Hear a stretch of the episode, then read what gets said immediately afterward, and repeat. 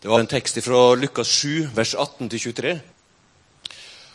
Det som har hendt før denne teksten som vi skal lese, det er at Jesus har vekt opp sønnen til enka i Nain. Og så Johannes fikk høre om alt dette av læresveinene sine. Da kaller han to av dem til seg og sender dem til Herren og ba dem spørre er du den som skal komme, eller skal vi vente en annen? Men kom da til Jesus og sa, Døyperen Johannes sender oss til deg og spør, er du den som skal komme, eller skal vi vente en annen? Nett da lekte Jesus mange for sykdommer og plager og vonde ånder, og han ga mange blinde synet. Han svarer, Gå og fortell Johannes hva det har sett og hørt. Blinde ser, lamme går, spedalske blir reine, og døve høyrer.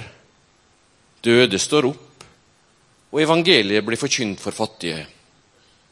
Og sel er den som ikke faller ifra på grunn av meg. Slik lyder Herrens ord.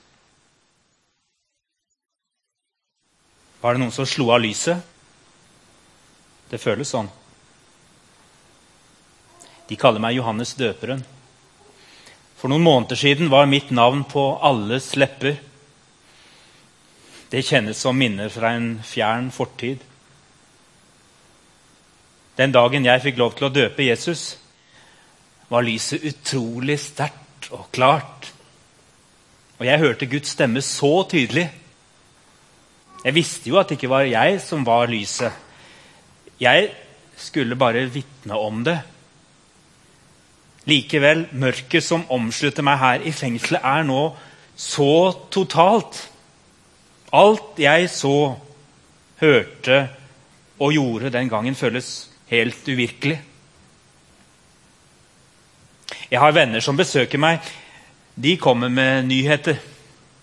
Den siste uka har han helbredet den dødssyke tjeneren til en offiser i Kapernaum. I Nain sies det at han vekket en ung mann opp fra de døde. De var allerede på vei til gravplassen med han da det skjedde. Overalt hvor han beveger seg, skjer uhørte ting. Jesus, er du den som skal komme, eller skal vi vente en annen? Ja, for jeg klarer ikke glede meg over alle helbredelsen som skjer. Det er som om mørket bare blir mer intenst når jeg hører at lyset skal være så nær og samtidig så utafor rekkevidde. Hvorfor har du ikke styrtet den korrupte kong Herodes ned av tronen og satt deg på den?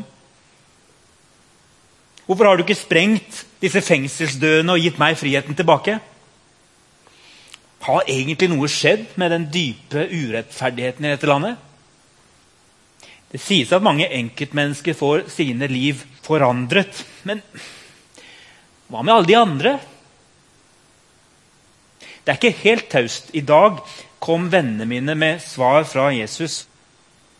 Var det egentlig et svar? Han ramset opp. Blinde ser, lamme går, spedalske renses. Døve hører, døde står opp, og evangeliet forkynnes for fattige. Dette visste jeg jo allerede. Samtidig er det noe her. En kodet melding til meg. Jeg tror han vil si Guds rike bryter gjennom. Alt som skjer, er synlige tegn på det som kommer. Hold ut, Johannes. Jeg syns ikke svaret er godt nok. Men jeg skimter glimt av lys. Først av alt, eh, tusen takk, eh, Vidar, for at du gir meg denne tilliten. Det er jeg veldig takknemlig for. Hvis dette går helt skeis, så får dere klage til Vidar. er han som utfordrer meg. ja. Men med Guds hjelp så tenker jeg at det går bra. Det er derfor jeg er her. Fordi at jeg har erfart at Gud har kommet meg og oss til hjelp. Mange av dere vet kanskje at mannen min er syk. Jeg tenkte bare jeg skulle si noe om det først. bare sånn jeg lagt den vekk, for det er ikke det jeg skal snakke om. Så dere bare venter på det, så er det ikke det. altså. Men bare si det at han er ved godt mot. Han er alvorlig kreftsyk. Han er her i dag. Jeg er veldig glad i han. Han sitter der. Og jeg vil takke for alle forbønn som dere har gitt oss, og fortsatt vil gi oss, har jeg forstått. Det ber oss gjennom dagene. Det gjør det. Litt i forhold til ståsted nå, da. For det er mange som spør hvordan går det med han. og sånn, og Det er veldig, eh, og mye omsorg i det, og det setter vi veldig pris på. Akkurat nå så eh, prøver vi å sjekke ut alternativ behandling i Tyskland. Det er en tradisjonell behandling, men det er alternativt i forhold til det som finnes her i landet. De går litt lenger i Tyskland enn det de gjør her. Så hvis dere ber, så be gjerne om det. At eh, sykehuset her eh, får god kontakt med sykehuset i Heidelberg. Og at en får til en ordning og en behandling der. Ok, da er jeg ferdig med det. Det jeg ville snakke om i dag, det skjedde for lenge siden. Det er faktisk snart ti år siden nå. Det handler om eh, helbredelse. Det er ganske krevende å snakke om helbredelse. Jeg opplever det sjøl, selv, selv om jeg har opplevd det flere ganger. Så opplever jeg det krevende. Og det er krevende fordi at det utfordrer. Det utfordrer oss til å tenke er Gud så stor? Er han virkelig så stor? Eller er det meg det kommer an på? Er det mine bønner? Er det hvordan jeg formulerer de? Er det lengden på de? Er det mengden av de? Hva går det egentlig i? I Bibelen står det at uh, våre tanker er ikke Guds tanker. Og våre veier er ikke alltid Guds veier. Noen ganger så tenker vi at uh, sånn må du gjøre det, Gud. Det er sånn det skal være. Sånn har jeg sett det for meg, og det er sånn du må svare meg. Det er ikke alltid sånn. Men Gud hører bønn. Det gjør han. Ok. Februar for snart ti år siden. Vi har to døtre, Veronica og Lydia. Lydia var den gang 19 år gammel. Gikk på bibelskole på Forus, på kristne tjeneste og skulle være ni uker i Houston på utveksling. Hun reiste, og vi fikk jevnlige tilbakemeldinger om at det gikk kjempefint, og de hadde det så kjekt og flott og alt sånn. Vi hadde bestemt oss for at når Lydia kom hjem, så skulle hun komme hjem til en nyoppussa stue som hun da brukte nede. Vi hadde holdt på med dette prosjektet lenge og veldig spent på at Lydia skulle komme hjem. Kvelden før hun kom hjem, så var alt ferdig. Jeg hadde pynta stua og sånn, vi hadde gått og lagt oss. Klokka fem på natta så kommer telefonen. Lydia har vært eh, utsatt for ei ulykke i Houston. Hun satt på en motorsykkel. De kjørte i 90 km i timen. Og så møter de et følge av sju andre motorsykler. Det som vi ikke da visste på det tidspunktet vi fikk beskjed, det var at denne strekningen ble brukt til å kjøre veldig fort. Testa ut sykler, biler. Det var lite politi på de veiene og lite trafikk. Litt ut på landet i Texas. De møtte da et følge på syv motorsykler. De ble målt en fart litt tidligere, for politiet klarte ikke å stoppe dem. De hadde en toppfart på 240 km i timen. De var syv i følge. De, det kom til en plass på veien hvor den tok en slagesving, og de klarte ikke svingen. Den første motorsykkelen klarte ikke svingen. Så han sneia ut i motsatt kjørefelt og kolliderte front til fronten mot Lydia og Jordan. Begge førerne omkom momentant. Lydia hun eh, ble kasta av sykkelen. Hun hadde bare hjelm på seg. Ingen andre beskyttelsesklær. Og landa i asfalten lenger framme. En sykepleier på vei hjem fra jobb, dette var på kvelden, stoppa og fikk dette med seg. Og ga beskjed til ambulanse som kom og hentet henne. Fordi at Lydia ikke hadde papirer på seg, så ble hun lagt inn på et sykehus for de som er uidentifisert. Et litt sånn eh, Ja, ikke akkurat et høystatussykehus, da. En times kjøring utenfor Houston i Galveston. Hun ble lagt inn med fiktivt navn. April 07 Charlie. April fordi at det var i april. 07 fordi det var i 2007. Charlie fordi at hun var den tredje uidentifiserte som ble lagt inn på sykehuset. Vi fikk òg beskjed om at uh, hun hadde mista almost a gallon med blod. Og en gallon er 3,7 liter i indre blødninger. De hadde ingenting de kunne gjøre med henne. De la henne vekk. De koblet henne til maskiner og sånn for å holde litt kontroll. Men de kunne ikke gjøre noen ting for å stoppe denne blødningen. Det var indre blødninger i buken. Vi satte i gang. Vi var helt sjokkerte, men det var akkurat som vi handla bare. Ringte rundt til familie, de ringte igjen, og så ringte de videre. og så til slutt fikk vi tilbakemeldinger om at det ble bedt i Australia, i London, i USA, i England, Frelsesarmeen, katolske kirka Aldri vært der, men de ba òg. Om at blødningen måtte stoppe. Tre timer seinere etter den første telefonen så får vi beskjed. Vi skjønner ingenting. Blødningene har stoppa. Denne pulsåren i magen har lukka seg. Skal vi prøve med blodoverføring? Skal vi prøve å pumpe ut blod i magen? Er dere interessert i det? I Texas så spør de om alt sånt, for de er sikra si. den. Hvis ikke kan de jo bli saksøkt for alt mulig. Vi sa selvfølgelig ja. Prøv alt. Prøv alt. Men de føyde til at ja, det går nok ikke, fordi at den pulsen vil nok sprekke opp igjen. Og pumpe ut det blodet vi tilfører. Men vi prøver. Ny bønnerunde. Lydia må beholde blodet. Så fikk vi ny melding. Blodet sirkulerte i kroppen. Det blødde ikke ut i buken. Vi snudde oss rundt. Fikk tak på billetter. Kristne tjenester var fantastiske og hjalp oss på mange måter. Barbro og Trygve, pastorparet reiste med oss over til USA.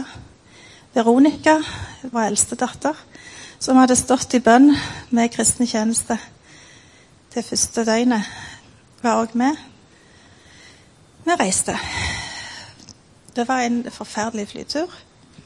Den tok eh, tolv eh, timer. Vi kunne ikke ha kontakt med sykehus eller noen om bord på flyet. Visste ikke hva som ventet oss når vi kom fram. Trygve Brekke, pastor i kristen tjeneste, han jobba da i Stavanger kommune. Stavanger kommune er da vennskapsby med Jusen. Han hadde kontakt av borgermesteren i Houston. Så borgermesteren møtte oss på flyplassen sammen med politiet. Eskorterte oss igjennom alle sikkerhetskontroller og passkontroll alt mulig. Folk står i timevis i Houston i kø.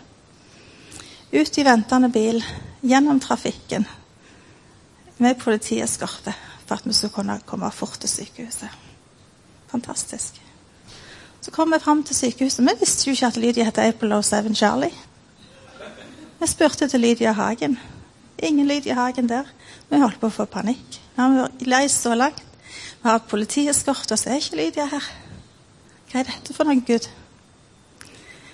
Så var det noen som sa ja, kanskje hun er lagt inn med fiktivt navn. Kanskje det. Og langt om lenge så fikk vi da tak i at jo da, hun var der. På flyet over til Houston så fikk jeg en, en stemme som sa det så tydelig til meg som om dere skulle snakket til meg i dag. Lydia skal ikke dø, hun skal leve. Og hun skal fortelle om hva jeg har gjort imot henne. Og det tenkte jeg, det er sikkert bare ønsketenkning. Tenker ikke ei mor i en sånn situasjon? Liksom bare snakke til meg sjøl. Klart du, du er helt tussete nå. Ikke har du sovet eller noen ting. Dette er bare tull. Kommer fram til sykehuset. Blir møtt på intensiven av pastor Betty Joe. Jeg vet ikke om noen av dere kjenner Betty Joe? Noen som kjenner hun? Ja, det er noen. Ei utrolig direkte dame, altså. Bare sier deg. Hun gikk rett på meg, så meg rett inn i øynene, litt sånn strenge. Så sa hun Nå oversetter jeg til norsk, da. Lydia skal ikke dø, hun skal leve. Og hun skal fortelle om hva Gud har gjort imot henne. Da visste jeg OK, Gud. Det er jo sant. Det var jo akkurat det jeg ble fortalt fra deg på flyet. Sånn er det. Lydia var i koma.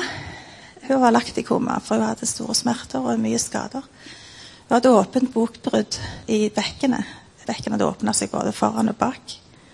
Hun hadde en arm som var ødelagt, den venstre armen. Hun hadde utposning på hovedpulsåra.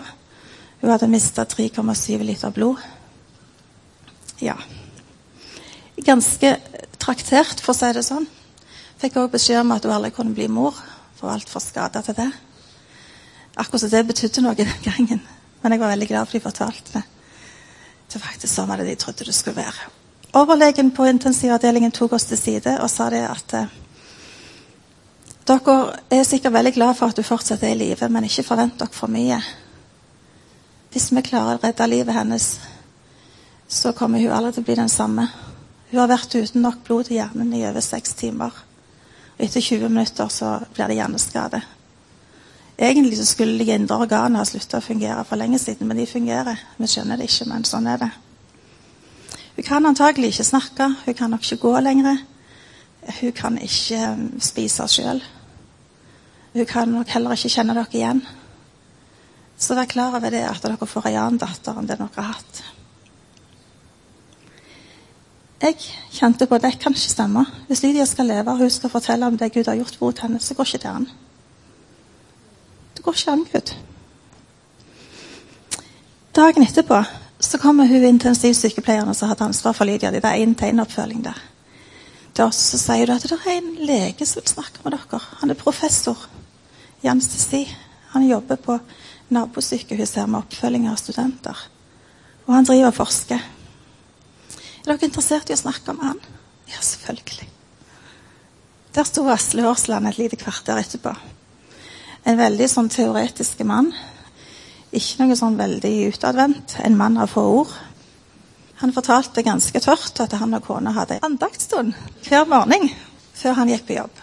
Denne morgenen hadde de blitt minnet om at de skulle lese Stavanger Aftenblad. Det hadde de aldri gjort før. Men det ble de minnet om, og det gjorde de. De leste Stavanger Aftenblad, og der sto det en stykke om Lydia da, som var forulykka i Houston og lå på sykehuset i Galvesen. Og Da sa Asle at da var bare meg og Kari samstemte i kor. Denne familien skal vi hjelpe med alt det vi har tilgjengelig. Eh, ja vel, hva da? Ja, Bare si hva vi skal hjelpe dere med, så skal vi hjelpe. Ja vel. Men det måtte vi ha betenkningstid på. Det ble for voldsomt. Vi kjente det jo ikke engang. De kjente ikke oss. Hvordan det gikk an, da? Senere på dagen så ringte han og sa han har du bestemt deg for dere hjelp. Så dere kjenner oss jo ikke engang. Så men det gjør jo ingenting, for Gud kjenner dere jo. Han har sagt vi skal hjelpe dere. Kanskje dere kommer hjem til oss i kveld. Kari skal lage kjøttkaker. Vi kommer og henter dere på hotellet og kjører dere hjem til oss. Så kan dere se om det er noe dere vil Om dere vil flytte inn hos oss, så vær så god. Vi har stort hus, vi har flere biler, vi har båter, vi har bryggeanlegg. Vi har gjestefløy, vi har hushjelp. Alt vårt er deres. OK. Kom og hent oss, da. Vi kommer hjem. Det lukter kjøttkaker i huset. På bordet står det et bilde av en gutt som jeg kjenner. Han heter Isak. Han ble bare ni år. Han døde i en trafikkulykke to år tidligere. Så jeg, hvorfor har dere bilde av Isak på bordet? Så sier han med tante og onkel til Isak. Ja, så jeg er søskenbarn til mor til Isak. Da hadde vi vært i samme begravelsen i Oslo. Asle kjente meg igjen fordi han ledet minnestunden, og jeg sang der. Asle han hjalp oss med utrolig mye. Det, ikke, det, det går nesten ikke an å forklare. Han eh, hjalp oss med alt medisinsk. Lydia sin arm ville de amputere. Asle sa nei. Det kom ikke på tale. Skal ikke amputere den. Jeg vet om et team i Houston som er ressurser på mikrokirurgi. Nå trenger dere noen som kan hardangersøm, og ikke diamantsøm. De er et team på seks leger. Det er knalldyrt, men jeg skal snakke med forsikringsselskapet om de kan dekke det. Det vil komme opp mellom 300 og 400 000 norske kroner bare for den operasjonen. Er dere interessert i at jeg skal hjelpe dere med det? Ja, selvfølgelig. De starta opp operasjonen av armen til Lydia og bekkenet til Lydia. De holdt på fra åtte om morgenen til elleve om kvelden. Ganske lenge det, uten å få tilbakemelding på hvordan går det egentlig. Asle selvfølgelig, Asle var på operasjonssalen. Han hadde tilgang der. Han ringte oss og informerte oss underveis hvordan det gikk med Lydia. Det var bare helt fantastisk. Jeg kunne sikkert fortalt mye mye mer, og jeg har mange ganger tenkt på dette skulle jeg skrevet i en bok. Dette er første gang jeg deler det i en forsamling. Det har gått ti år. Det har tatt sin tid å bli klar for å snakke om det. Asle han eh, Det er veldig mye sånn Når vi er kristne, så tenker vi ja, å, så fantastisk. Dette må jo være Gud. Og, og underet for meg ble bare større og større for hver dag som gikk. Så tenkte jeg, er, er det sånn, eller bare noe jeg innbiller meg? tenkte jeg vi må snakke om Asle. Asle er jo tørrpinn så det holder. Asle, kan vi få en samtale med deg på kontoret? Kan du gå gjennom alle de medisinske tingene som har skjedd med Lydia? Kan du forklare dette medisinsk, om det går noen forklaring på at, at det kunne gå sånn godt med henne? Og han eh, gikk gjennom punkt for punkt. sa han, det går det ikke an å forklare medisinsk. Det går det ikke an å forklare medisinsk. Ei lang liste. Vi skjønner ingenting, sånn. Dette her er utenfor vår fatteevne. Lydia skulle vært død. Hun skulle ha vært død i kollisjonsøyeblikket i den farten. Hun skulle hatt store hjerneskader, nakke- ryggskader. Hun skulle ikke vært der hun er. Det jeg da har glemt å si, som da var fantastisk viktig, det var at det tredje døgnet Når vi ble fortalt at Lydia ikke kunne snakke igjen, og ikke kunne bli normal igjen, så ringer de oss klokka tre på natta, og da tenkte vi herlighet, hva er det nå? Er Lydia død? Nei, da hadde Lydia spurt etter meg. Ja. Mm. Det tredje døgnet så hadde hun spurt etter meg, våkna fra koma og spurt hvor er mamma. Eh, vi kom med en gang. Så spør Lydia. Eh, mamma, er jeg i Norge? Eller er jeg i USA? Eller er jeg en plass midt imellom, siden dere er her? Og da tenkte vi at nei, dette går Her er hun på plass, altså. Helt på plass. Ja. Så, um, så Gud, han lever. Og han er i stand til å gjøre langt, langt mer enn det vi klarer å be om. Eh, Lydia, vil du komme opp? Hun er her.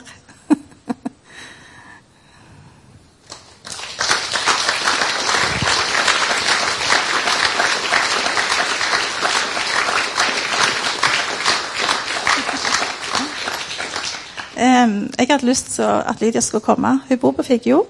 Jeg hadde lyst til at hun sjøl skulle fortelle om eh, hvordan hun har det i dag, og hvordan livet hennes har gått videre. Jeg er da dattera Lydia. Som jeg sa, så er jeg fremdeles i live. I dag så er jeg gift med min mann som sitter bak der med dattera mi på syv måneder. Og jeg jobber som vernepleier 100 når jeg ikke er i permisjon, så klart. Ja, jeg hadde egentlig alltid troen på at eh, jeg skulle komme tilbake til sånn som jeg var før. Og eh, kjente på Guds nærvær hele tida. Og har aldri kjent Gud så sterkt til stede som jeg gjorde den gang. Og eh, jeg har fått eh, om hvor eh, gode Gud er, og hvor kjærlig han er, og hvor mektig han er. Og det er jeg veldig takknemlig for. Kan du streke oss sammen? Armen. armen min fungerer veldig godt. Det er denne armen som eh, da ble knust. Og eh, jeg bruker den så normalt. Mm. Våg til tunge løft.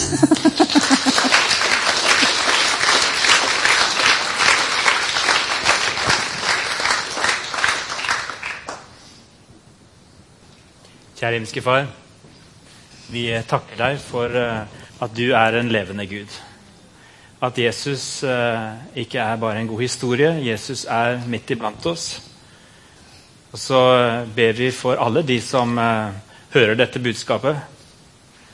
Vi bør for alle som uh, kjenner at de trenger glimt av et annerledes kongerike akkurat nå. Og kanskje at det bryter inn i deres eget liv. Det ber vi fremodig om, at du handler konkret inn i menneskers liv.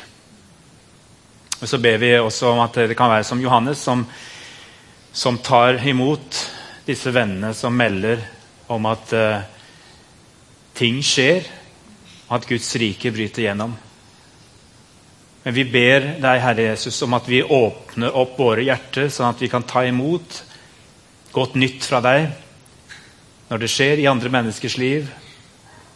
Og håpe også i det nye året at du kan vise glimt av ditt rike konkret i våre liv. At vi har forventning om det.